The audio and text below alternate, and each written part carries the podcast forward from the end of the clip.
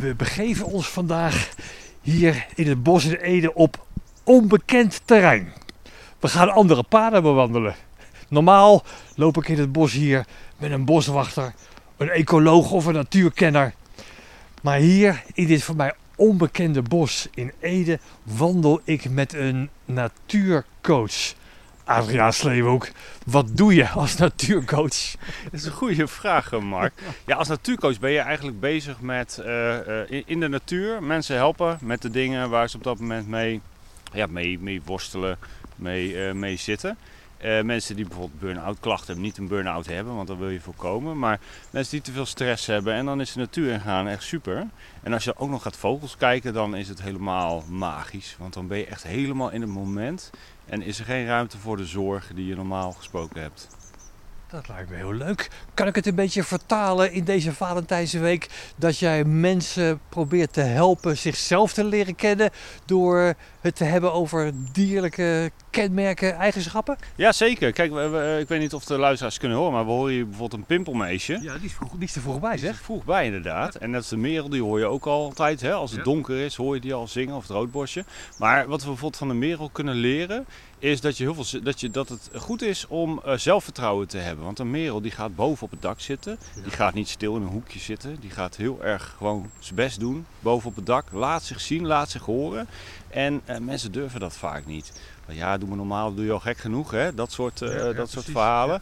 En je moet juist eigenlijk, ja, je hoeft niet op het dak te gaan zitten, maar durf gewoon jezelf te laten zien en horen. En dat is echt heel erg belangrijk. En als steeds meer mensen dat durven, dan weet ik zeker dat het echt wel beter gaat met de wereld, ja, met de maatschappij. Op zo'n manier kunnen we eigenlijk heel veel leren van vogels. Ja, zeker. Dat klopt helemaal. Ik heb ook een, eh, een, een, daar een kaartenset bij ontwikkeld. Vogelwijsheid heet dat. En eh, daarbij heb ik dus van verschillende vogels, die mensen ook wel kennen, heb ik de symboliek eh, ja, er- erbij v- gezocht. En eh, daar ook wat vragen bij gesteld die je zelf kunt stellen. En bijvoorbeeld bij het pimpelmeisje, die staat ook voor ja, levenslust. Eh, hè, dus dat je echt eh, ja, blij mag zijn dat je weer wakker bent geworden. Want dat is eigenlijk heel erg eh, ja, bijzonder. Helemaal in het voorjaar is dat een feest natuurlijk. En eh, ja, dan be- bedenk dan bijvoorbeeld van, goh, wat vind ik nou leuk om te doen? En ga dat ook doen. Dus dan kies je een vogel uit waar jij van, van denkt, nou die heeft eigenschappen, die wil ik in mezelf wat meer ontwikkelen. En, en ja, hoe doe je dat dan? Ja, nou dan gaan we inderdaad, eh, sowieso eh, begin ik eh, een natuurcoachingssessie altijd met een wandeling, een stiltewandeling. Dus gaan we rustig wandelen. En dan is van tevoren de opdracht van, je moet even, even echt luisteren. Maar bijvoorbeeld ook ruiken in het bos en heel veel geuren. Hè? En ook kijken van om je heen zonder te praten. En dat doen we een aantal minuten. Soms 10 minuten. Soms als ik merk dat diegene nog echt moet landen, dan doe ik het wat langer. Maar dan kom je echt helemaal tot rust. En dan gaan we kijken van, goh, wat is de vraag van vandaag? Waar wil je vandaag mee aan de slag? En meestal heb ik dat van tevoren wel een beetje bedacht waar iemand mee zit, omdat we natuurlijk eerder een gesprek hebben gehad.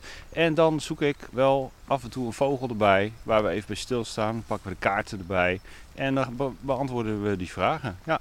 Wat leuk. Kunnen we dat, ja, dat, dat is natuurlijk de hamvraag, kunnen we dat eh, omvormen tot een soort Valentijns-expeditietocht? Jazeker, ja, want Ja? Er, is bijvoorbeeld, er zijn vogels eh, eh, die, die heel erg eh, eh, ja, eh, een leuk symbool staan voor nou, Valentijn, voor liefde. En soms ook voor niet-liefde, hè? ontrouw bijvoorbeeld, dat soort dingen. Er zijn allemaal net, ja, het is eigenlijk eh, niks eh, menselijks is vogelsvreemd.